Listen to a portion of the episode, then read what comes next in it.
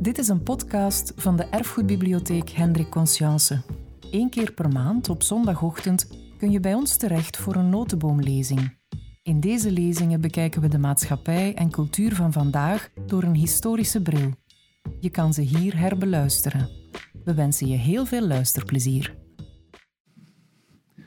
Dames en heren, vrienden, u hoort mij goed tot van achter in de zaal en u hoort me niet te sterk van voor in de zaal. Oké, uitstekend. Welkom op, de, op deze tweede lezing in de reeks De Zeven Zeeën. Ook naar aanleiding van de tentoonstelling die later dit jaar in deze bibliotheek te zien zal zijn.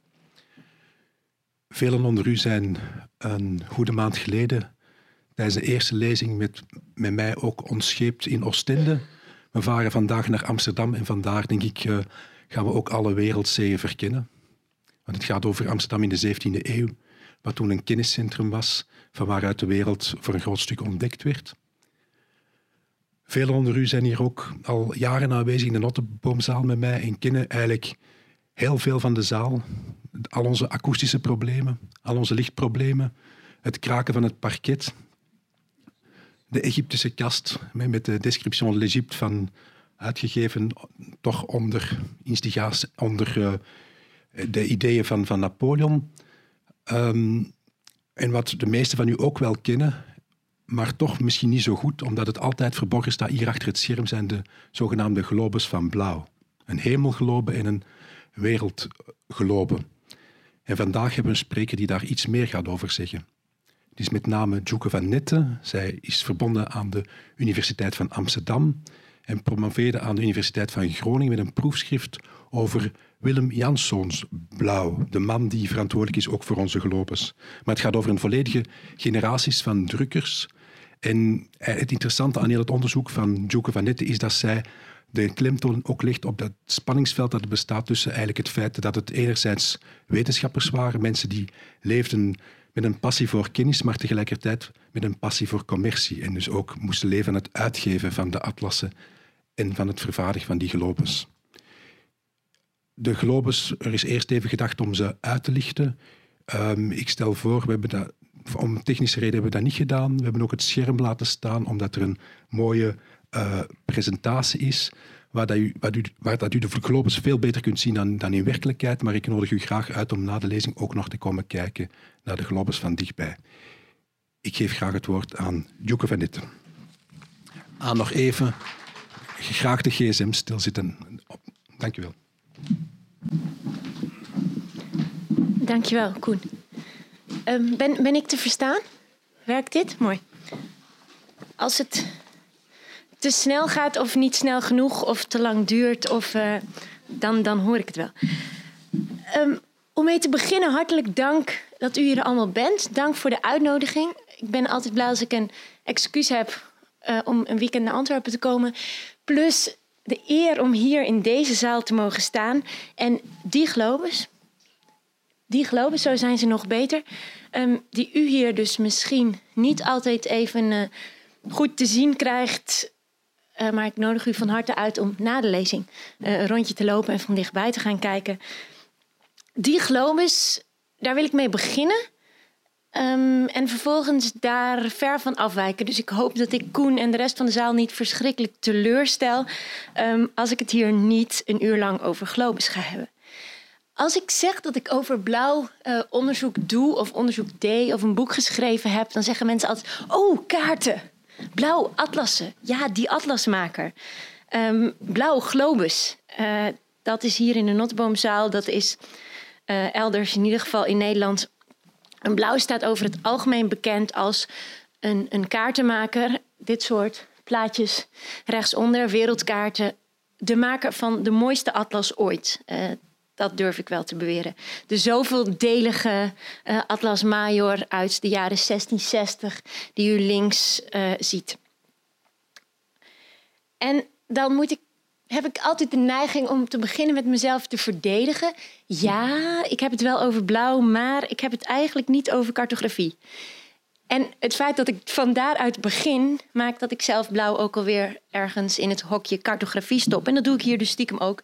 Ik sluit aan bij het uh, Zeven Zeeën historische cartografie thema, om daar vervolgens van uh, uit te waaieren, omdat ik wil laten zien dat blauw veel meer is dan een cartograaf, veel meer is dan een fantastische atlasmaker, dan een briljante globemaker, um, zoals die altijd bekend staat.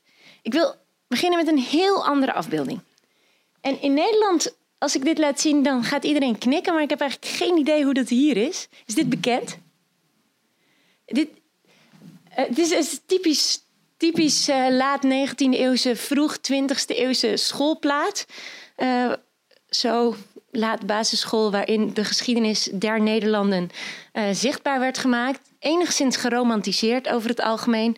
Um, en we zien hier de Muiderkring, dus het slot te Muiden bij Amsterdam, waar P.C. Hoofd, de dichter, die kent u waarschijnlijk wel, die zit hier te midden, en dit is het geromantiseerde beeld, het is maar de vraag of die daar überhaupt ooit heeft gezeten. Het woord kring is een 19e-eeuwse uh, conceptie.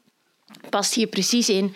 Maar het idee, het geromantiseerde uh, idee, is dat hoofd hier zijn uh, mede-letterbroeders uitnodigde. En dat ze daar, zeg op zondagochtend, samen stonden te dichten, musiceren, discussiëren. We zien hier onder andere Vondel, kent u? Gerardus Vossius. Uh, hier staat ook nog Cats. Barleus is hier te zien. Uh, en hier Hugo de Groot of Grotius, die op dat moment verbannen was uh, naar Frankrijk. Of in ieder geval de republiek niet meer binnenkwam. Maar die hier dus in geest en op het schilderij nog aanwezig. Al dus deze romantische 19e-eeuwse conceptie van de Muidenkring. Dit is een heel ander beeld. Blauw staat ook, dat wou ik laten zien. Hier vindt u Willem Janszoon Blauw. Um, en dit is heel anders dan zijn omgeving van atlassen en kaarten en zeelieden, is dit ook de omgeving van Willem Janszoon Blauw in de 17e eeuw. Um, hij was ook uitgever van al deze heren, van Hoofd, van Vossius, van Vondel, van Cats, van Barleus, um, van Grootjes in het bijzonder. En dit is ook al is het geromantiseerd, het laat ook wel iets zien van wat ik wil vertellen. Namelijk, uh, blauw staat hier bij de deur. En dat is volgens mij waar een uitgever staat. Een uitgever, heb ik in mijn boek gezegd, een uitgever is een gatekeeper. Een, in goed Nederlands een deurwaarder, een poortwachter. Iemand die tussen geleerde en samenleving staat. Iemand die verantwoordelijk is voor het doorgeven van kennis, uh, eventueel ook het tegenhouden van kennis. Dat is de rol van de gatekeeper um, naar de samenleving. Geleerden kunnen nog zulke prachtige ideeën bedenken. Als er geen uitgever is die dat de samenleving instuurt, dan gebeurt er niks met die ideeën. En dit idee, dit gatekeeper-idee, dat past in de moderne, recente wetenschapsgeschiedenis, die niet zozeer gaat over grote ontdekkingen en grote uitvindingen, maar gaat over de productie van kennis, de circulatie van kennis, over wetenschappelijke infrastructuur zoals universiteiten, scholen um, en ook uitgevers. Dus het idee dat uh, communicatie van kennis de essentie van wetenschap is. Zonder communicatie geen wetenschap. En uitgevers als Blauw waren een onmisbare schakel in deze communicatie. En dit is meer uitgangspunt van mijn verhaal. En de vraag is: wat gaat er naar buiten? Wat gaat er via die uitgever naar buiten? En waarom op een bepaalde manier? En waarom op een bepaald moment? En hoe werkt dat? Wat zijn de motivaties van deze uitgever? Als hij onmisbaar is in het maken van wetenschap, dan is het interessant om te gaan kijken waarom die bepaalde dingen op een bepaald moment op een bepaalde manier deed. Mijn verhaal vandaag ziet er als volgt uit. Eerst wil ik een korte context schetsen. We, gaan, als Koen al zei, naar Amsterdam in de 17e eeuw. Um, is de omgeving en het leven van twee generaties Amsterdamse blauw uitgevers, Willem Janszoon en vervolgens zijn zoon Johan Blauw. En daarna wil ik schetsen hoe zijn fonds eruit ziet. Dat dus niet alleen bestaat uit kaarten en atlassen en globes, maar uit veel meer. Wat ik me daarbij afvraag is, zit daar een lijn in? Zit daar een bedrijfsvoering, bedrijfsfilosofie. Wat voor idee heeft deze uitgever? Um, en als ik dat heb uh, daaruit gehaald, kan ik kijken naar verschillen. Zit er een ontwikkeling in? Vanaf Willem Blauw naar zijn zoon Johan Blauw uh, en verder. Um, en dan kan ik eindigen, hoop ik, met conclusies te trekken en te vragen: wat hebben we hier nou aan? Wat weten we niet? Kunnen we daar eventueel in de 21ste eeuw ook nog iets mee? Om met de context te beginnen. Willem Janszoon Blauw um, werd geboren in Alkmaar in 1571.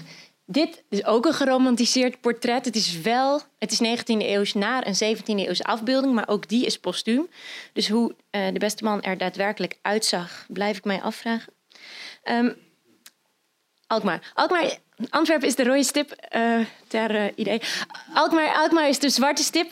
Um, en dit, dit is ook een blauw kaart. Uh, zoals meest van mijn afbeelding hier uit boeken of atlassen van blauw komen. Zoveel mogelijk plaatjes, dacht ik. En deze kaart laat ook wel mooi de context zien waar dit in speelt. Dat wat wij in Nederland de 80-jarige oorlog noemen, of de Nederlandse opstand tegenwoordig, uh, waarin uiteindelijk, maar niet in Blauwstijd, een scheiding tussen Noord en Zuid komt. Ik geloof niet dat, dat Blauw dat daadwerkelijk een idee van had dat het zuiden een ander land was dan dat waar hij in woonde. Um, maar dat begint, die scheuring, die uiteindelijke grens... en dat je een republiek der zeven Verenigde Nederlanden... Noordelijke Nederlanden en de Zuidelijke Nederlanden hebben... met in Alkmaar in 1573. Alkmaar wordt belegerd en houdt stand als eerste uh, belangrijke stad die stand houdt tegen de Spanjaarden. Van Alkmaar begint de victorie, is, uh, is het gezegde. En Blauw was daarbij als uh, een, tweejarige, voor wat het waard is. Maar zijn plek in Alkmaar maakt dat hij dus onderdeel is van deze Nederlandse geschiedenis. Dat is hij ook. Zijn moeder was verwant aan PC Hoofd, een dienstvader CP Hoofd. En dat was een belangrijke familie van haringvissers. Die werden pas later, je ziet PC Hoofd wordt daar regent uh, in Muiden. Maar dit kwam uit, dat is een typische, ook typisch Hollands opklimmen vanuit de handel. Ziet hier de scheepjes aan de bovenkant, westkant dus, uh, om dit te illustreren. Het was ook de bedoeling dat Willem Janszoon Blauw in de haringhandel uh, actief zou gaan worden, zoals dat in zijn familie normaal was. Maar wij weten dat uit een brief van uh, Hoofd. Die schreef later aan Grotius een brief over zijn neefje Blauw. Um, hij was niet zo goed in handel. Uh, Mercurius was hem niet zo goed gezind, zegt, zegt Hoofd letterlijk. Hij was meer geneigd tot de wiskunde. En dan heb ik een kleine omweg nodig over de wiskunde. Wiskunde in de 16e, 17e eeuw is een veel groter begrip dan wat u en ik daar misschien tegenwoordig onder verstaan. Wiskunde is alles wat uh, kwantificeerbaar is, wat geteld, wat gemeten kan worden. Er is pure wiskunde, de mathematica pura, die bestaat uit geometrie, uh, meetkunde en algebra. Uh, en er is zoiets als gemengde wiskunde, zoals ze dat in de 17e eeuw, 16e, 17e eeuw noemen. En dat gemengd, het mixta, dat betekent gemengd met realiteit. Uh, daar ontstaat daar valt onder andere onder de astronomie, zeevaartkunde, landmeetkunde, vestingbouwkunde, optica en ook muziek. Dus alles waar enigszins uh, kwantificeerbare grootheden in voorkomen. En deze wiskunde ontwikkelde zich uh, hard begin van de 17e eeuw, onder andere door oorlogen. Dus niet alleen vestingen bouwen die geometrisch verantwoord uh, en handig zijn, maar ook hoe krijg je uit een kanon een kogel die precies over de muur van de vesting heen komt. Uh, maar ook door ontdekkingsreizen. En bijvoorbeeld de belangrijke discussie over Copernicus. Het heliocentrisme draait de aarde om de zon of de zon om de aarde. Dus het is een tijd waarin de wiskunde zich uh, enthousiast ontwikkelde. En Blauw werd een wiskundige uh, en niet een haringvisser. Hij mocht in de leer bij de Deense astronoom Tycho Brahe. Op het eiland Ven heeft een, een Deense edelman die een eiland kreeg van de Deense koning in de Zond. En op dat eiland het op dat moment uh, meest high-tech uh, eiland of observatorium van de 16e eeuw. Ehm, het was de tijd voor de telescoop. Dus high-tech. Dan moet u vooral uh, voorstellen dat het hoekmeetinstrumenten waren. En met het blote oog op dat moment de meest nauwkeurige observaties van de zon, de sterren en alles daaromheen. Blauw ging bij Tycho in de leer, werd een assistent van hem. En daar mocht niet zomaar iedereen heen. Dus uh, ik heb daar geen enkele aanwijzing voor. Maar alleen uit het feit dat hij bij Tycho is geweest, kan ik concluderen dat hij een zeer degelijke vooropleiding in de wiskunde heeft gehad. Uh, want anders had hij daar nooit mogen komen.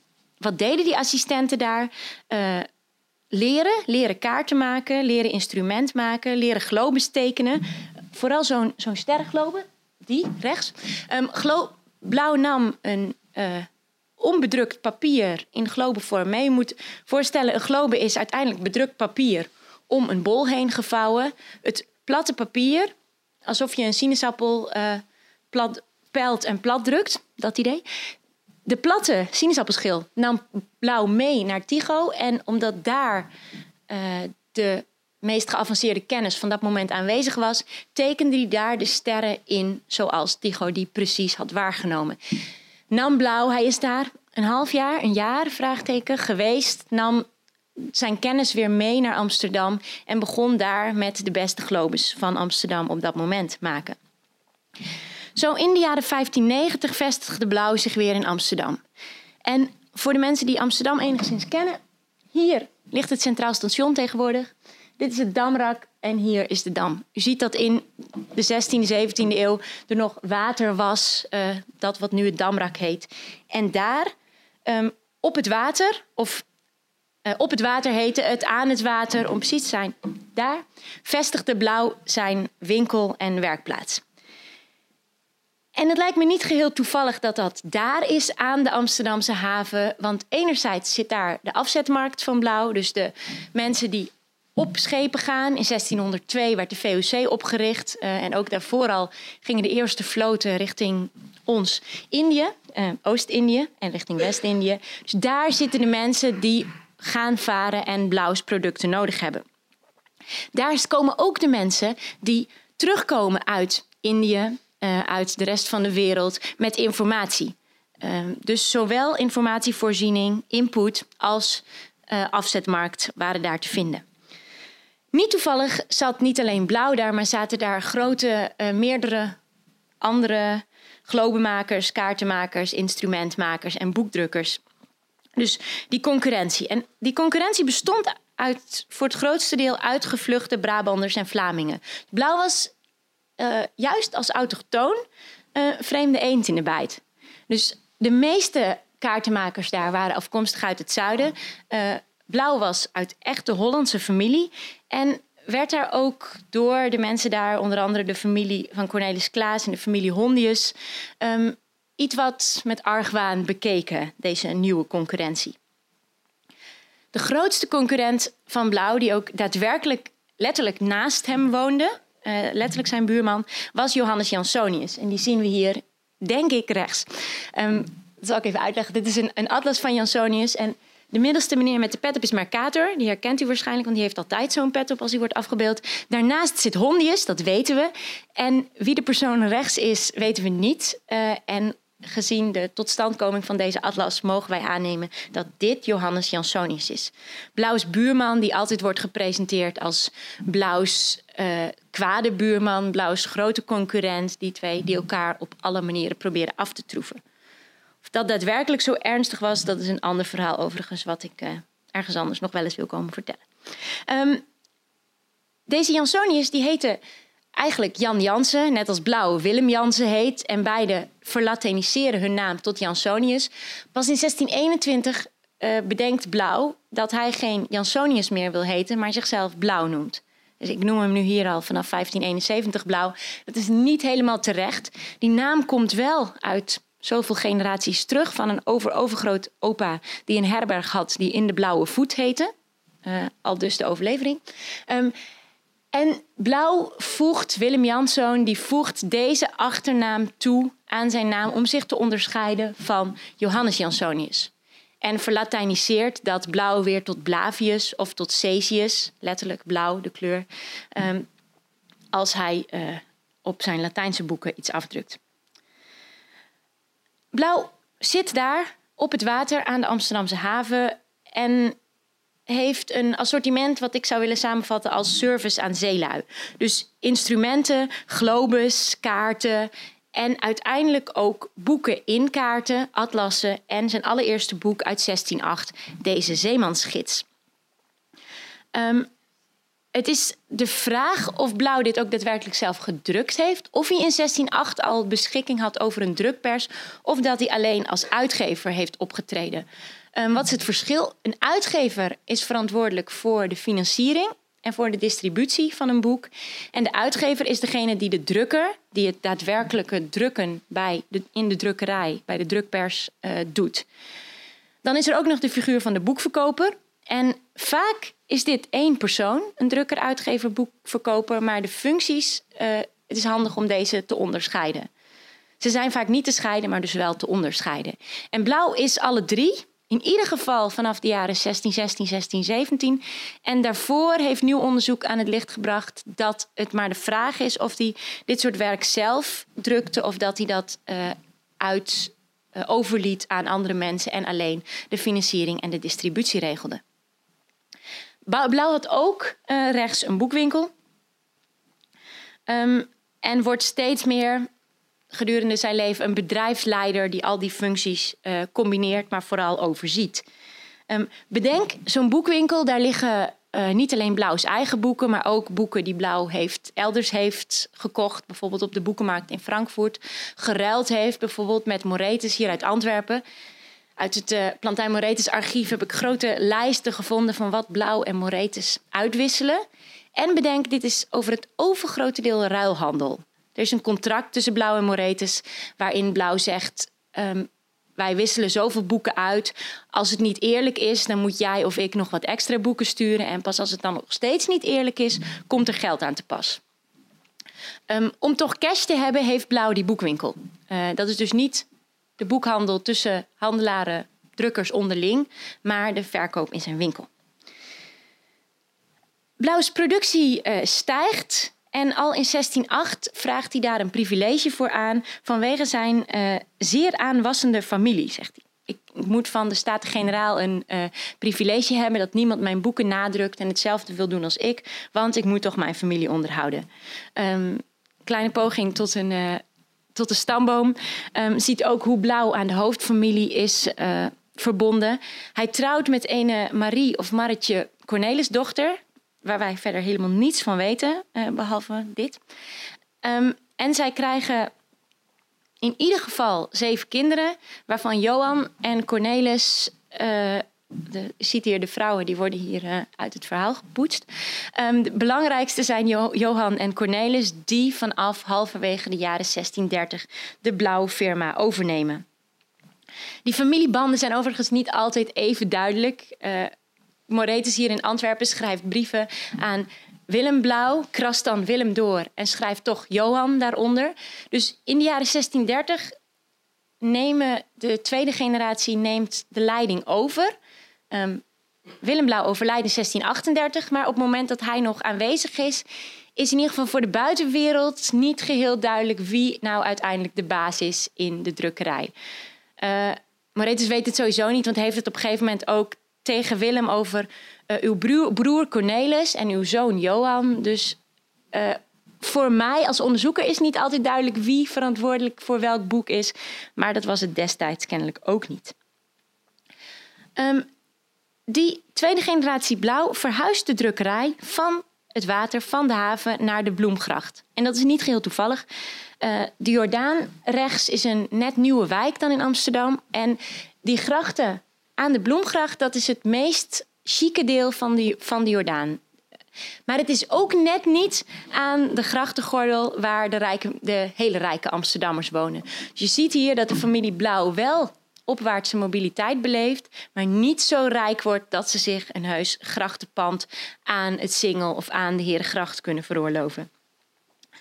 Die opwaartse mobiliteit is ook wel te zien dat die zoon Johan Blauw geen wiskunde studeert zoals zijn vader, maar rechten en ook promoveert en zich op al zijn boeken uiteindelijk dokter Johan Blauw noemt. Want daar gaat het natuurlijk om. Um, Johan Blauw bevindt zich uiteindelijk ook in regentenkringen. Wordt zelfs een aantal keren burgemeester van Amsterdam. Zit in het stadsbestuur. Dus uh, daar is ook in politieke zin een opwaartse mobiliteit te zien. Misschien moet ik om dat wat beter te, in te bedden in de 17e-eeuwse cultuur ook nog iets over hun religieuze voorkeur zeggen. Um, daar weten we niet zoveel van. Johan Blauw is remonstrant, of in ieder geval in de remonstrantse kerk getrouwd. Ze zijn in ieder geval niet strikte Calvinisten. Um, en uh, neigen ook naar doopsgezindheid. In ieder geval ondertekent Blauw in 1628, Willem Blauw, een petitie voor meer rechten voor doopsgezinden en remonstrantse uh, drukkers. Um, maar onder andere in de bestandstwisten in de jaren 1618, 1619, als de discussies tussen remonstranten en contra-remonstranten op een hoogstijn. De contra-remonstranten, de steilere Calvinisten, winnen. Maar Blauw schijnt er helemaal geen last van te hebben. Die synode van Dordrecht die zorgt er onder andere voor dat Hugo de Groot uh, wordt opgesloten. Dat Johan van uh, een kopje kleiner wordt gemaakt. Dat um, Barleus zijn baan kwijtraakt. Grootjes ook uiteindelijk wordt verbannen. Um, Blauw heeft hier helemaal geen last van. Dus als hij al remonstrant is geweest, dan heeft hij dat niet al te hard laten merken.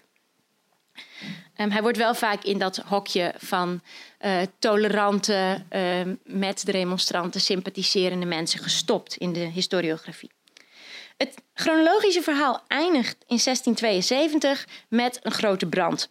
Um, dit is een beetje een cynisch plaatje, want het is een plaatje uit 1677 uit een boek van een zekere Jan van der Heijden die de brandspuit heeft uitgevonden. En als die brandspuit in 1672 al had bestaan, dan had Blauws drukkerij het misschien gered. Um, maar uh, het zag er denk ik ongeveer zo uit, maar dan zonder brandspuit. Dus in 1672 brandde de hele blauwdrukkerij uh, aan de Bloemgracht af. Johan Blauw zelf uh, stierf een jaar later in 1673. En vervolgens was er nog een derde generatie Blauw, waar ik hier verder niet op inga. Daar gebeurde veel minder. Die deden minder nieuws. Die werkten vooral als drukker in opdracht van anderen. Een ander groot probleem van deze brand is dat alles wat er aan bedrijfsarchief, correspondentie geweest is, uh, hier ook verdwenen was. Uh, er is niet zoiets fantastisch als het uh, archief van Plantijn Moretus. er is simpelweg niets aan archief. Um, hoe komen wij dan meer te weten over deze familie Blauw? Waar hielden ze zich eigenlijk mee bezig? Hoe werkten ze? Um, dat moet met circumstantial evidence aangezien het archief er nu niet is, met brieven uh, van Moretus bijvoorbeeld. Van brieven van geleerden die aan blauw schreven en daar kopieën van hebben bewaard. Of sterker nog, over blauw hebben geschreven. Die zullen we later nog zien.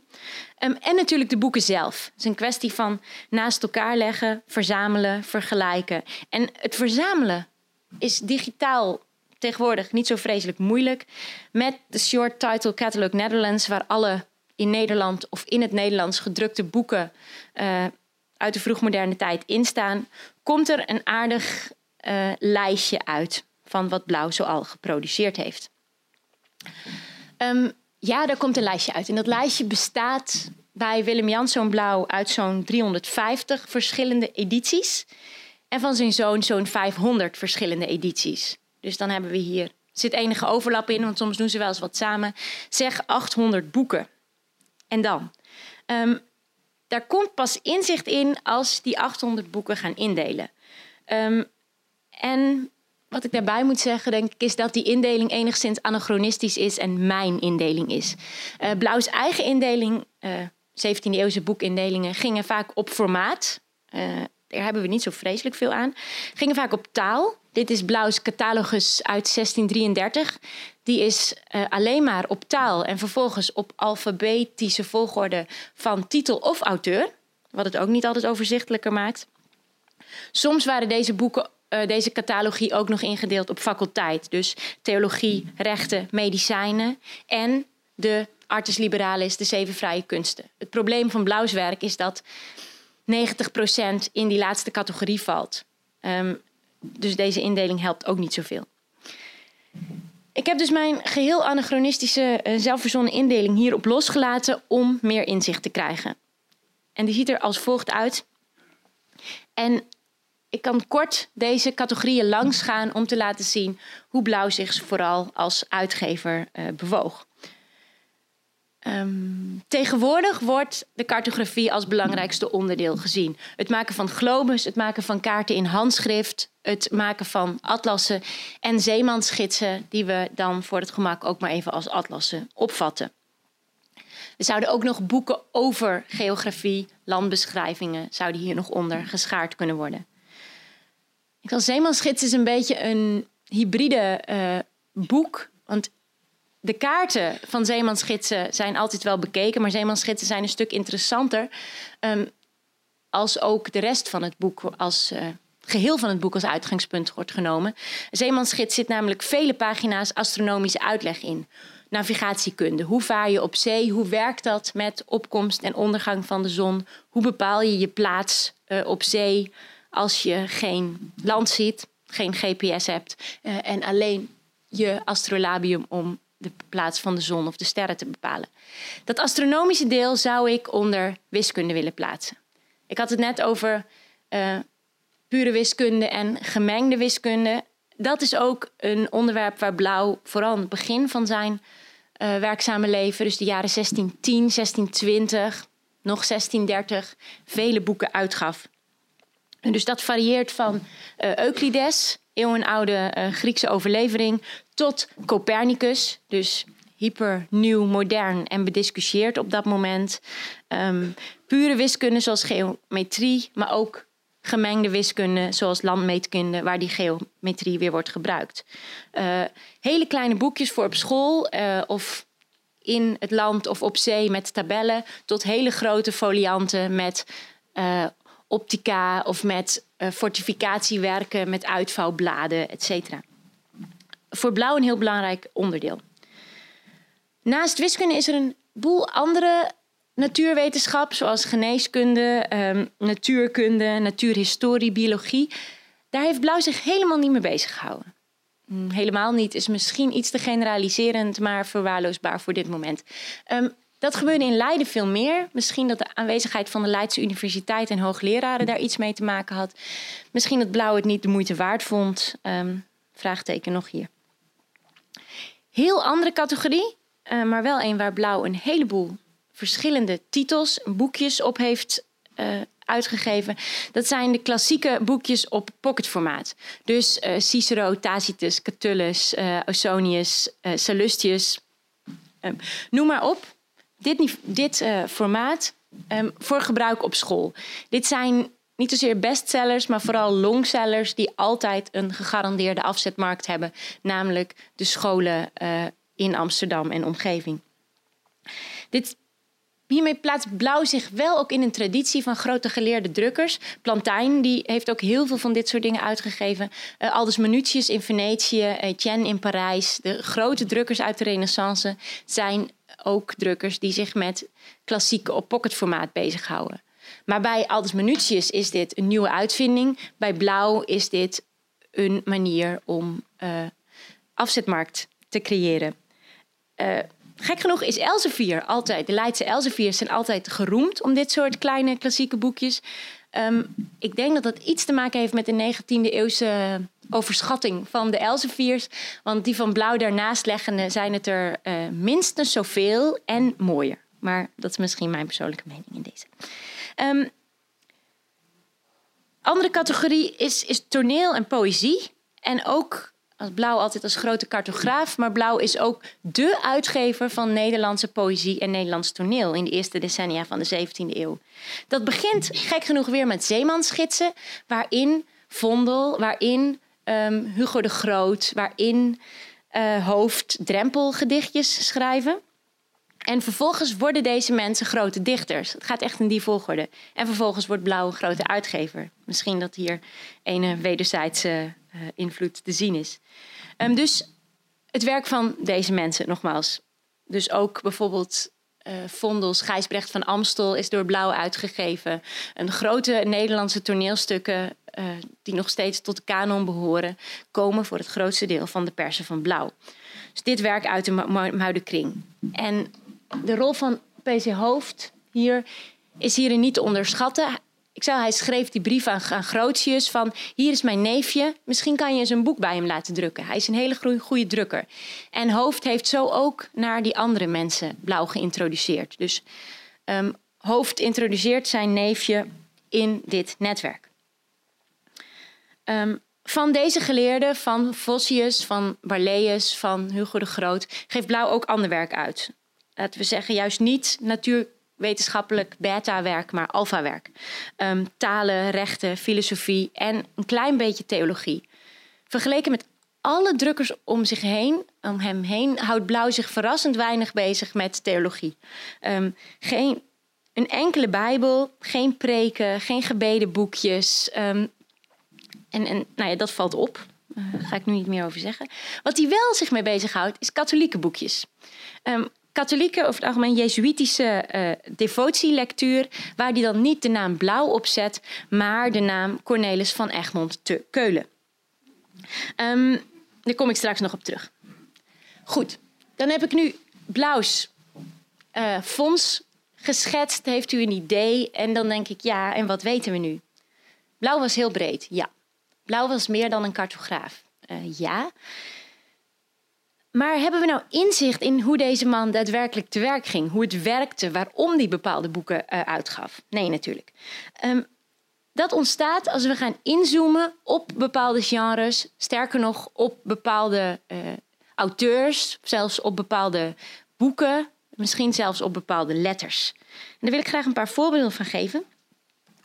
Um, in dezelfde categorieën om te beginnen, uh, Blauw en zijn zeemansgidsen, of Blauw en zijn cartografie. Blauw werd in 1633 cartograaf van de VOC. Zoon Johan Blauw die nam deze functie van hem over. Er is kennelijk ook weinig uh, democratie uh, te vinden. Um, Blauw, er is een contract bekend van Blauw met de VOC. En daarvan 9 van de 12 punten gaan over wat Blauw niet mocht. Vooral niet drukken. Uh, hij mocht niet de stadsmuur uit, hij mocht het niet aan zijn buren laten zien, niet aan zijn familie. Als hij overleed, um, moest het direct terug naar de VOC. Dus uh, Blauw was helemaal niet van het kennis verspreiden en het nieuwe atlassen maken. Blauw moest als cartograaf van de VOC dit beschermen. Of moet ik dit anders zien? Staat dit in het contract omdat de VOC bang was dat Blauw dit zou doen? Of deed hij dit zelfs al? Het contract wordt een paar keer uh, herhaald waaruit we misschien mogen concluderen dat het contract dat hij zich er niet aan hield. Wat we weten is dat Johan Blauw manuscriptkaarten van de VOC die hij kreeg van die schippers die naar hem toe kwamen, tot een atlas van Indië wilde maken. Dat mocht niet van de VOC, um, want die wilde haar monopolie beschermen. Uh, dat is één kant. Andere kant op is dat Blauw zijn zeemansgidsen, hij kreeg het voor elkaar als cartograaf van de VOC, dat zijn zeemansgids verplicht werd op VOC-schepen. Dus ze moesten een zeemansgids van blauw aanschaffen. Niet meenemen natuurlijk. Um, het is wel interessant, want die zeemansgidsen van blauw... die gaan niet verder dan Gibraltar. Dus hoogstens voor het allereerste stukje onderweg... Um, moest het hele boek bij blauw worden aangeschaft. Um, in eerste instantie vraagt blauw in die zeemansgids... dit is de 16-8-editie, daar zit een ingelegd velletje in... Uh, in de edities die ik ken in ieder geval, in de exemplaren allemaal, waarin staat: um, Zeeman, als u dit leest en het klopt niet, kom dan naar me toe en vertel wat er niet klopt. Dan zal ik het uh, verbeteren, veranderen um, en ik zal u rijkelijk belonen hiervoor. Wat die beloning inhield, uh, daar hebben we geen idee van. Um, maar in ieder geval, als je de zeemansgidsen daadwerkelijk gaat bekijken, komt er inderdaad in 1623 een grotere, verbeterde editie. Op alle edities hierna staat ook dat ze verbeterd zijn. Als in uh, op deze manier. Dat is niet waar. Um, ze worden groter.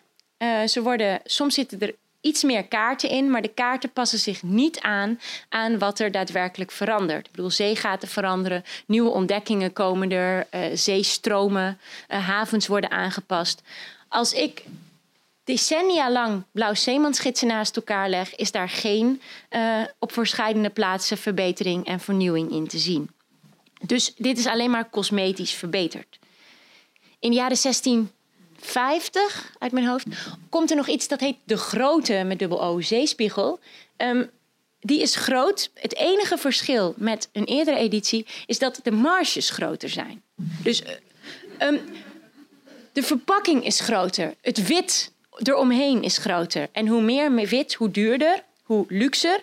Um, maar hierin is wel te zien dat Blauw niet, en zeker Johan Blauw, niet zijn best doet om updates van uh, zeelieden te incorporeren. Hij noemt het wel steeds verbeterd. Het is een beetje, denk ik, als met de TomTom. Als er staat er is een nieuwe versie, dan wil iedereen die hebben, want denkt, u wilt toch niet achterlopen. Um, dat doet Blauw hier geloof ik ook. Uh, teren op naam en op status. En op zijn functie als cartograaf van de VOC. Ander voorbeeld, Adriaan Meetjes. Adriaan Meetjes, links, is hoogleraar wiskunde aan de Universiteit van Franeker in Friesland. En heeft de grootste wiskundeboeken-output van alle Nederlandse wiskundigen in de eerste helft van de 17e eeuw. We hebben het dan over meer dan 30 titels. Een deel daarvan komt uit bij Blauw. En bij een eerste vergelijking blijkt dat die boeken van Blauw het mooist zijn. Echt het beste uitgegeven, de meeste zorg aan besteed. En Blauw is niet alleen uitgever en drukker, maar hier is zijn naam zien, uh, heeft ook enige redactie doorgevoerd. Het vergelijken van Blauws edities met andere Meetjes edities valt absoluut in het voordeel van Blauw uit. Iets verder vergelijkends blijkt dat Blauw dat de titels die Blauw uitgeeft boeken zijn van Meetjes die hij al eerder uitgegeven zijn met een nieuwe titel. Blauw geeft alleen boeken van Meetjes uit die meerdere keren in Franeker zijn uitgegeven. Meerdere keren uitgeven is volgens mij, betekent dat dit boek is een succes. Dus Blauw kiest de succesnummers van Meetjes en zet die pas in de markt. Durft hier niet iets nieuws te doen. Nog een voorbeeld, Blauw en zijn Copernicus-editie. Um, dat is een fantastisch boek waar te weinig aandacht voor is geweest, uh, mijns inziens. Dit is de derde editie van Copernicus. De eerste editie is uit 1543 en van Copernicus, die geeft hij uit in Basel.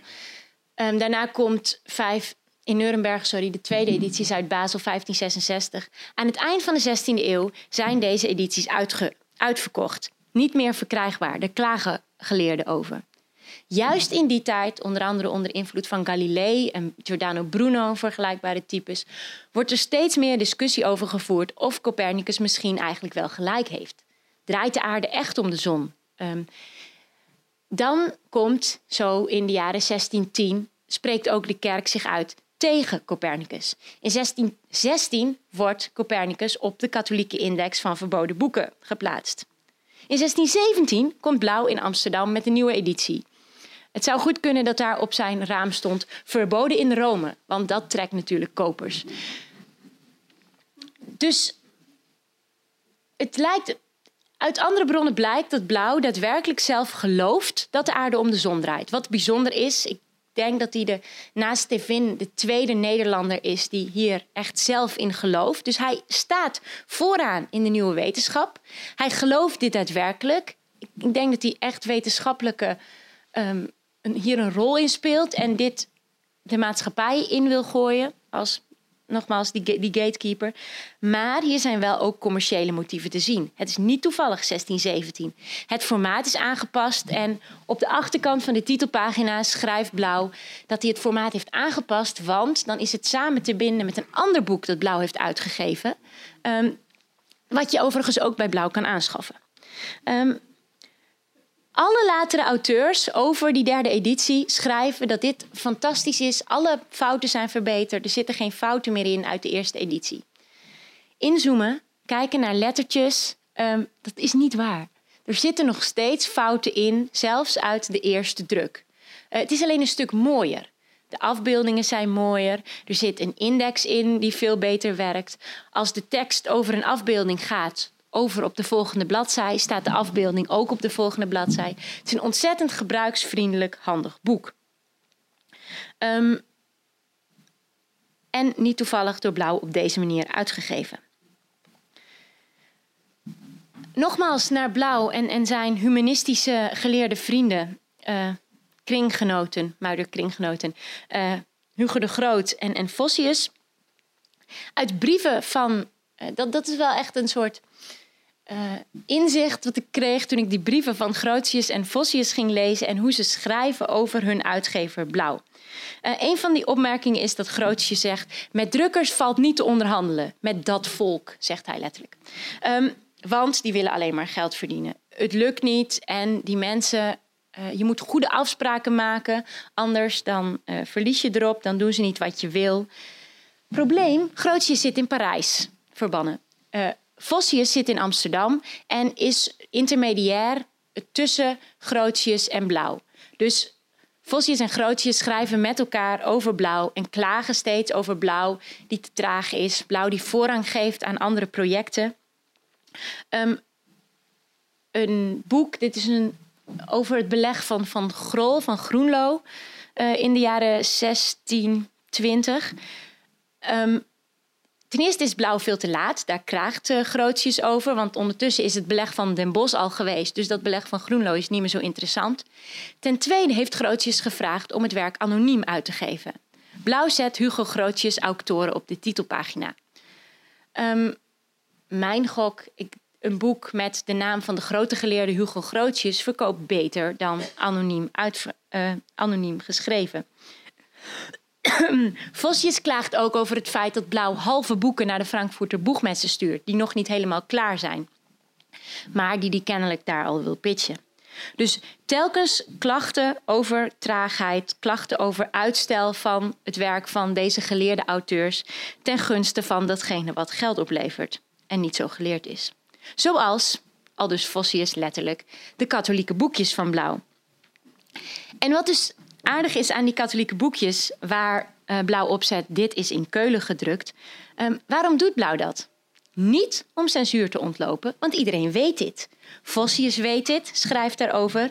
Um, maar ook in Blauws catalogus, die u eerder zag, staan deze katholieke boekjes van um, Jeremias Drexel gewoon genoemd.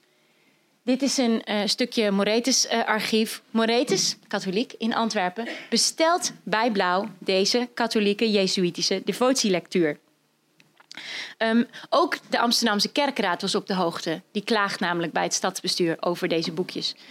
Um, er staat dus niet op gedrukt te keulen omdat Blauw censuur wilde ontlopen.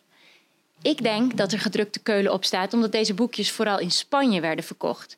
En in Spanje uh, mensen eerder geneigd zijn om uh, katholieke boeken uit goed katholiek Keulen te kopen dan katholieke boeken gedrukt in Ketters Amsterdam.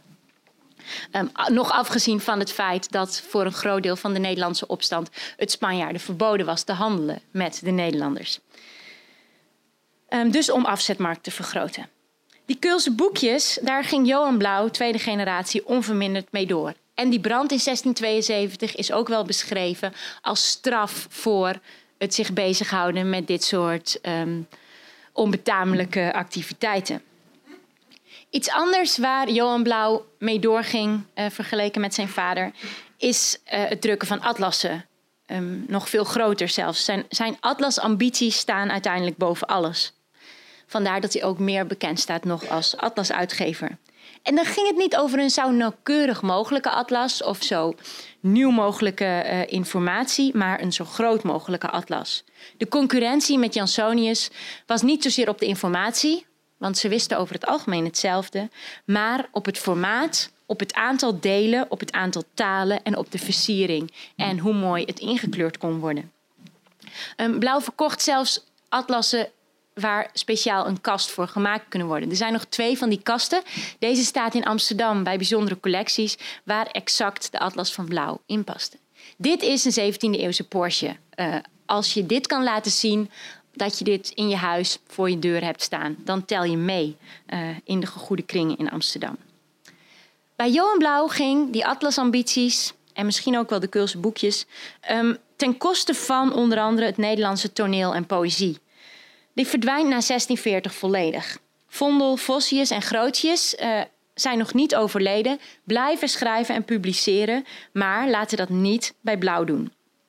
Uh, kennelijk hebben ze minder sympathie voor de tweede generatie. Grootjes bijvoorbeeld schrijft over de oude Blauw nog uh, ergens in een brief. Die atlas, noemt hij hem, draagt een zware last. Hij heeft het niet makkelijk. Maar die zoon, die wil alleen maar geld verdienen. Of dat voor de oude niet gelden, wil, wil ik mijn vraagtekens bijzetten.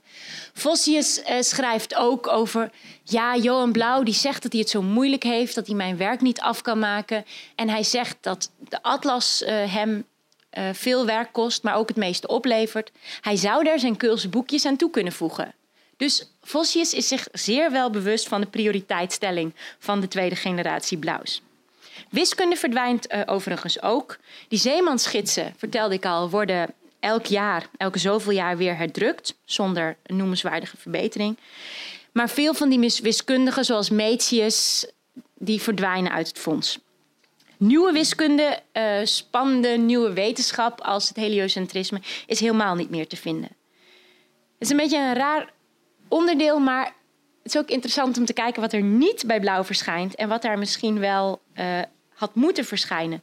Descartes, Discours de la méthode bijvoorbeeld. Constantijn Huygens schrijft aan Descartes: ga naar blauw, die is hier heel goed in. Uiteindelijk verschijnt het in Leiden uh, en is Descartes daar niet tevreden over. Maar het feit dat hij niet kiest voor blauw. Um, zou kunnen betekenen dat blauw niet meer zoveel bezig is met dit thema. Het is 1637, dus het is na het nadat de tweede generatie de leiding heeft overgenomen. Galilees um, discorsi verschijnen ook in Leiden, terwijl Galilei de oude blauw kende, uh, hetzelfde netwerk, uh, in hetzelfde netwerk zat. Ze correspondeerden in ieder geval met dezelfde mensen. Um, maar ook dit, hier is een andere Leidse uitgever slagvaardiger. Hetzelfde geldt voor de uitgave van Tycho Brahe. Die, uh, die is dan al lang overleden, maar een van zijn leerlingen, die tegelijk met Blauw in Denemarken heeft gezeten, correspondeert met, met Oude Blauw, correspondeert met de tweede generatie Blauw en uiteindelijk lukt het niet om dit van de grond te krijgen. Uh, mijn idee, omdat Johan Blauw hier niet genoeg in zat in dit thema, omdat hij hier niet meer mee bezig was. Geen nieuwe genres. Dus een voorzichtige conclusie zou hier in ieder geval zijn dat de tweede generatie blauw minder spannend is, minder uh, wel risico neemt met atlassen, maar op een ander thema. Nog meer commercieel, meer focus um, en vooral minder nieuws. Daar waarmee ik overigens helemaal niet wil zeggen dat minder nieuws ook minder interessant is. Historici houden zich vooral bezig met het verklaren van veranderingen, maar misschien of ze zouden zich ook bezig moeten houden met het verklaren van gebrek aan veranderingen. Zoals in die zeemansgidsen. Waarom worden daar niet de nieuwe kaarten in gestopt, terwijl die kaarten in handschrift wel beschikbaar zijn? Um, daar zou best nog wel meer over te zeggen zijn. Een deel van het antwoord van de waarom is volgens mij commercie. Uitgevers zijn geen deel van de Republiek der Letteren. Uitgevers worden in de traditionele historiografie, vooral blauw, vaak genoemd als een geleerde uitgever in geleerde kringen. Hetzelfde geldt overigens voor Plantijn. Iemand die op dezelfde hoogte staat als de humanisten waar ze mee omgaan. Um, ik geloof dat dat niet helemaal zo is. Grootjes schrijft wel over onze blauw en onze vriend blauw, maar ik geloof niet dat we hier een, een modern idee van vriend uh, in moeten kunnen zien. Um, Grootjes correspondeert namelijk nooit rechtstreeks naar Blauw. En als hij hem toch op hetzelfde niveau had gezien, dan. Het moet altijd via intermediair Vossius. Die uitgever die staat aan de rand. En die staat er niet tussenin. Die bemoeit zich uiteindelijk niet met het gesprek op hooggeleerd Latijn niveau. Um, wat religie betreft, Blauw houdt zich bezig met allerhande geloven. Geeft niet alleen katholieken uit, maar kent ook, uh, geeft ook werk uit van Joden, van uh, Socinianen en van andere uh, ketters. Ik zou het niet zozeer tolerant willen noemen als wel pragmatisch. We kunnen dat misschien zien waar de uitgever zelf de nadruk op wil leggen. Um, door zijn drukkersmerken als uitgangspunt te nemen. Blauws eerste drukkersmerk is een weegschaal met twee bollen uh, prijs dat is zoiets als dat wat het zwaarst weegt. En dat wat het zwaarst weegt is hier de hemel en niet de aarde. Dus het goddelijke meer dan het menselijke. Ondertussen laat Brouw hier overigens zien waar hij zich mee bezighoudt. Namelijk prachtige wereldbollen uh, en dergelijke. Vanaf de jaren 1620 gebruikt hij een ander drukkersmerk, waarin ook weer zijn eigen werk te zien is, een tellurium in dit geval, um, en de tekst in de Vessus Agendo, vertaalt het beste als onvermoeibaar bezig. Um, links ziet u Chronos, de, god van de tijd. Die volgens Blauw, en er is een brief van Blauw aan de geleerde Scriverius hierover te vinden, waarin Blauw zegt: ehm, De tijd gaat altijd eenparig en ongemoeid door, net zoals wij werken. Uh, dus hij legt hier de nadruk op zijn eigen harde werk. Voor 17e eeuwers moet dit direct herkenbaar zijn geweest. Ook Chronos verwijst naar waarheid en redelijkheid. Hoe wil Blauw zichzelf laten zien?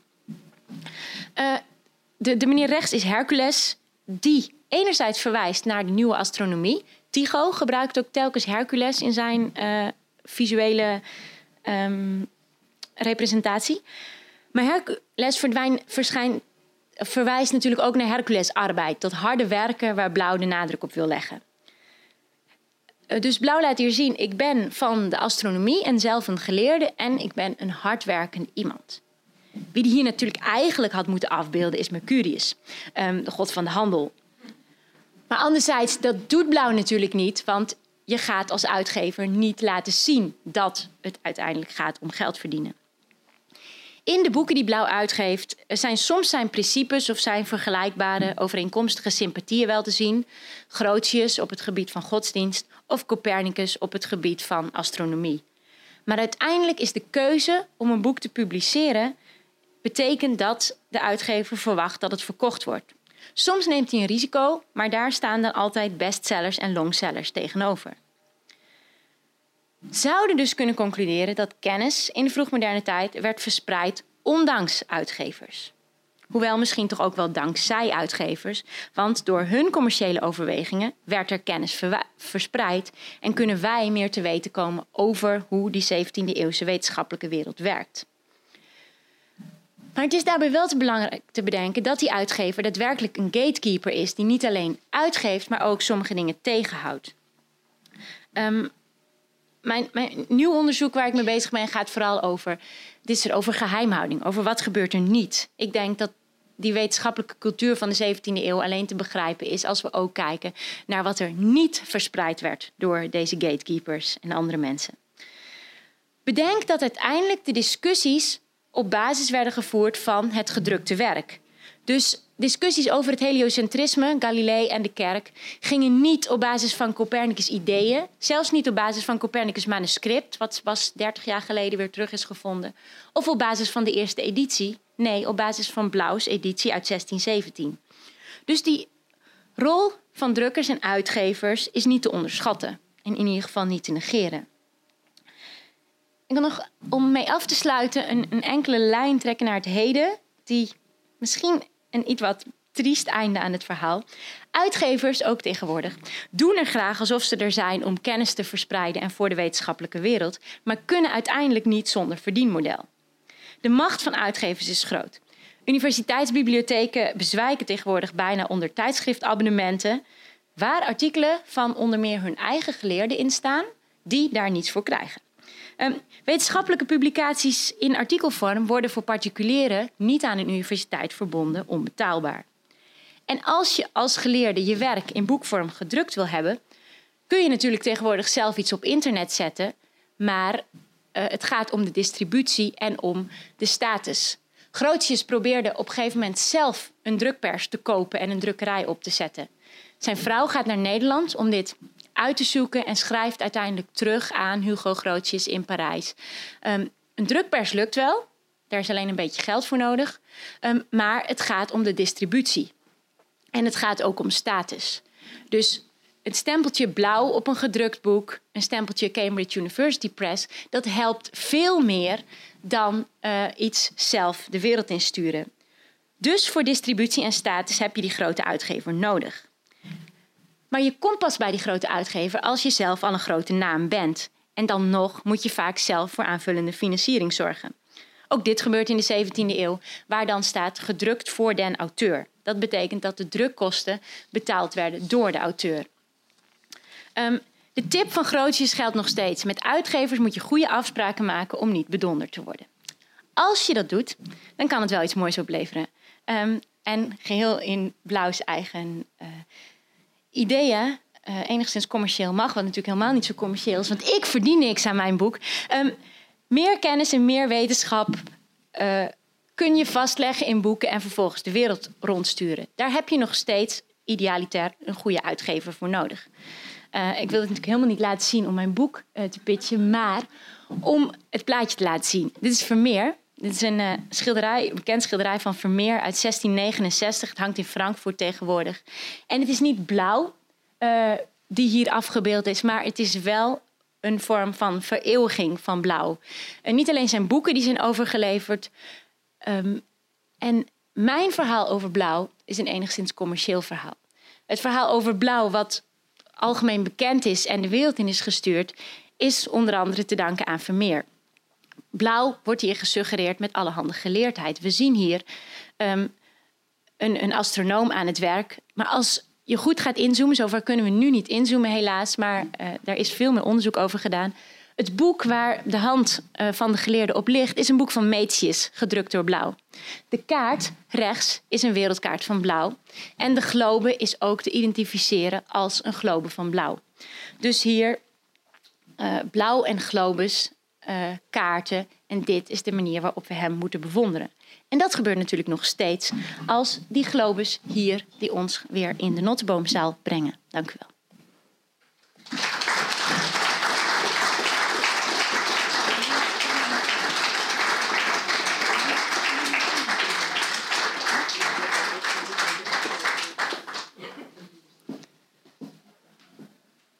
Is er, is er tijd voor vragen? Ik weet niet. Oké.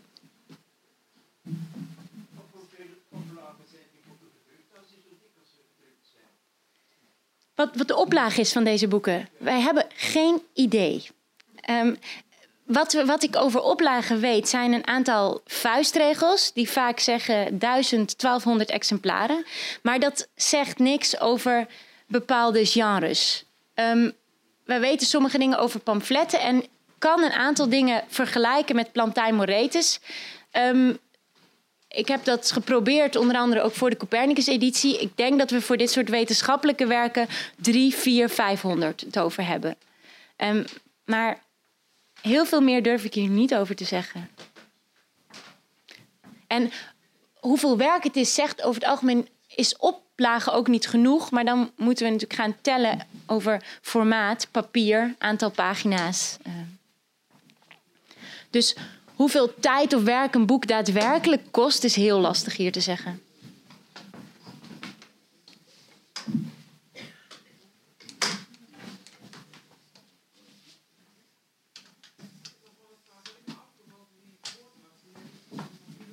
Hm? Hm? Sorry?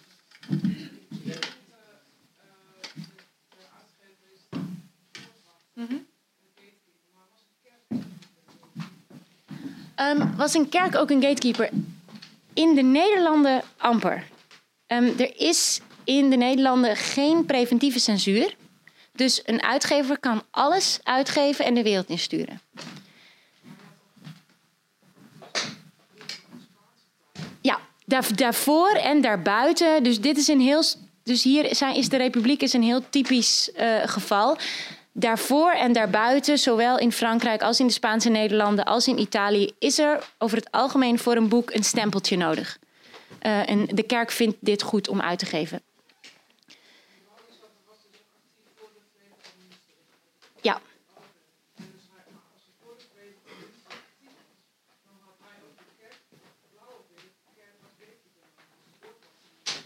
Mm.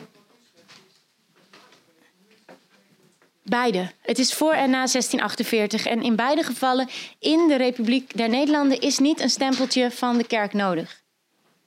Dus er is wel censuur, ook kerkelijke censuur, maar die is altijd achteraf. En dan nog, dus in die zin is de kerk een gatekeeper, maar Blauw heeft, Blauw en andere uitgevers, zo gauw iets al de wereld in is, kan de kerk wel zeggen: wij verbieden dit. Um, en u krijgt een boete, maar dat is een stuk lastiger. En dan is de geest al uit de fles. Dus dat van die kerk als, als gatekeeper, dat klopt heel vaak. Behalve in de republiek uh, in, in deze tijd.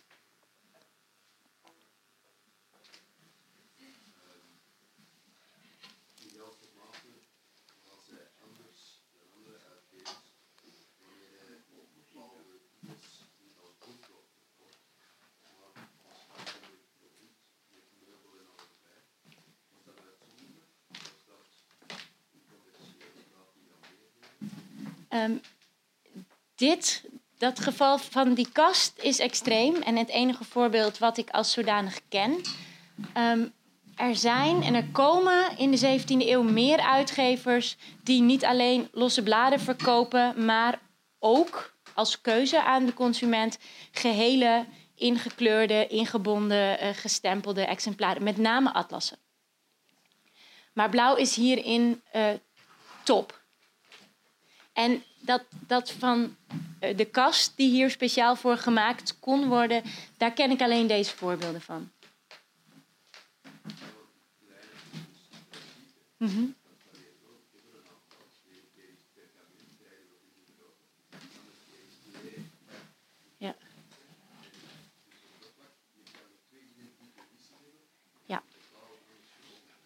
En dat is heel vaak, zeker bij dat soort boeken, de keuze van de consument. Blauw en andere uitgevers verkochten uh, papier, wat nog gevouwen, gebonden en opengesneden moest worden naar smaak en vooral misschien naar uh, budget. Blauw had ook een boekbinder later in dienst in zijn drukkerij of naast zijn drukkerij, dat is niet helemaal duidelijk.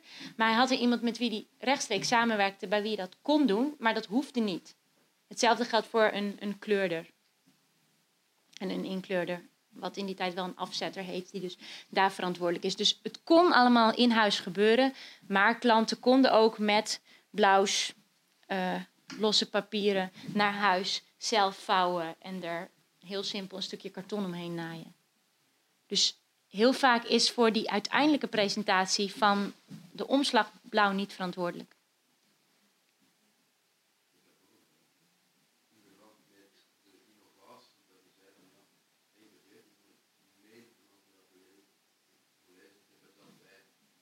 Als er ergens een collega failliet ging, mm -hmm. uh,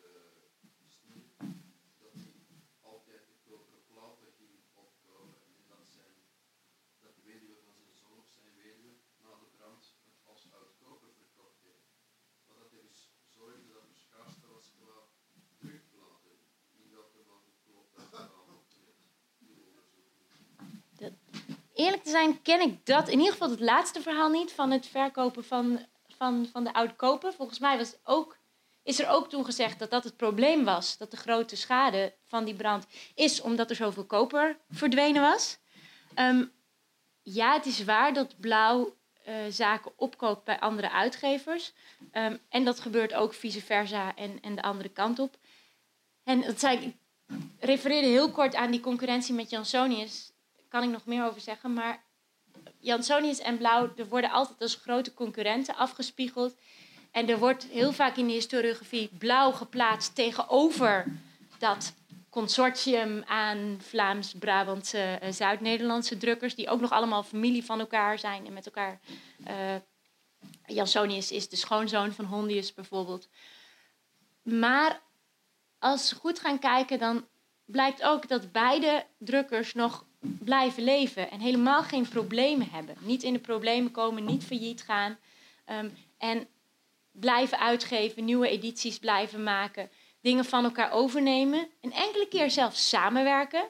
Dus misschien dat die concurrentie wel niet zo uh, hard is geweest als, als wij denken. Dat, maar dat durf ik niet te hard te zeggen. Maar ik, ik heb het idee dat die concurrentie minder sterk is geweest. En dat het idee dat Blauw en zijn grote concurrent Jansonius... dat dat ook komt omdat Vossius uh, in een, een veel geciteerde... één, één brief van Vossius die altijd terugkomt... waarin Vossius zegt, die kwade buurman van Blauw. En dat zou zelfs nog een, uh, een vertaling uit het Latijn kunnen zijn... want mijn Latijn is niet goed genoeg hiervoor... Um, Vossius schrijft in de comparatief dat uh, blauw beter is en uh, beter werk levert. Maar die Latijnse comparatief is ook te lezen als um, best wel goed. En als je dus, uh, ik weet niet meer wat het woord is in het Latijn, maar als je hier dus niet leest, blauw is beter dan Jansonius, maar blauw is ook best wel goed, dan levert dit een heel ander ding op. Dus, en alles wat over Blauw en Jansonius gezegd is, gaat terug op die ene brief uit Vossius, die meestal wordt geciteerd in de vertaling van de eerste biograaf van Blauw uit 1871. Dus daadwerkelijk nieuw onderzoek uh, zou hier nog meer kunnen opleveren, denk ik. Sowieso. um, ja, ik vraag me af of, of Baudet dat, dat daadwerkelijk erin gelegd heeft. Maar het is wel een, een en dat deed ik, maak ik me enigszins ook schuldig aan, een iets wat uh, te sterk aangezette concurrentie. Ja. Want er, wordt, er zijn ook voorbeelden van samenwerking. En van dezelfde um, uh, houtblokjes. Het is echt zeker hetzelfde blokje dat gebruikt is voor een druk van Blauw en een druk van Jansonius. Dus of dan de auteur die blokjes in bezit heeft gehad of dat ze overgegaan zijn. Er is iets meer samenwerking uh, dan veelal wordt gesuggereerd.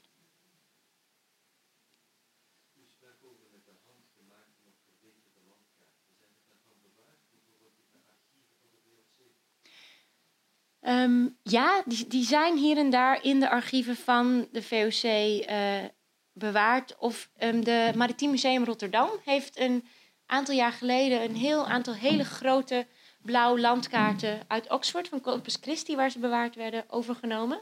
Dat zijn die, die zijn een keer of drie, vier. Uh, dit formaat uh, handschriftkaarten van blauw. Er zijn er heel weinig van over, um, maar ze zijn er.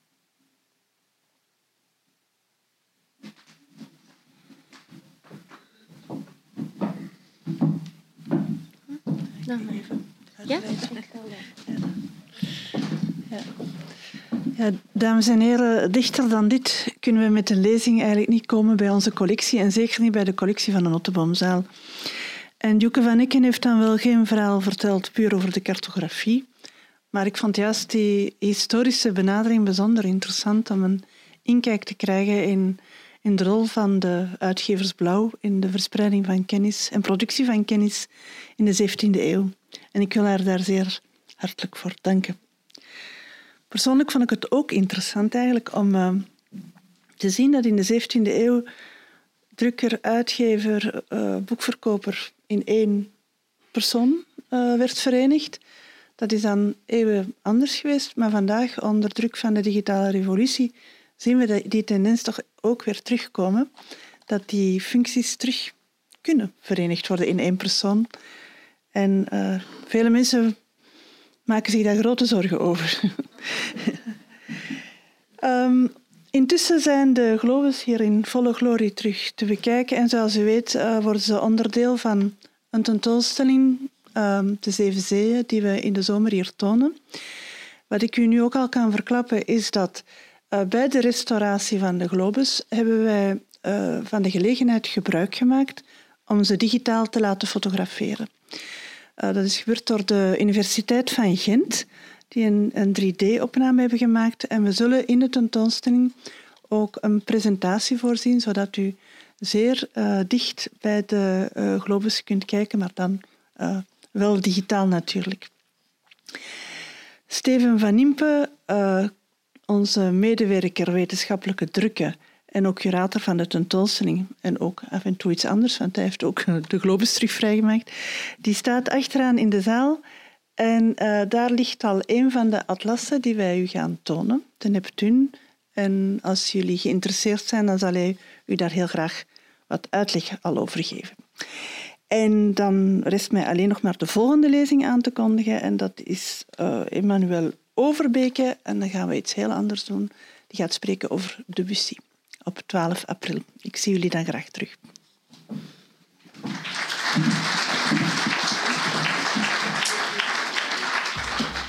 Je luisterde naar een podcast van de Erfgoedbibliotheek Hendrik Conscience. Wil je nog een andere lezing beluisteren? Ga dan naar www.consciencebibliotheek.be-herbeluister.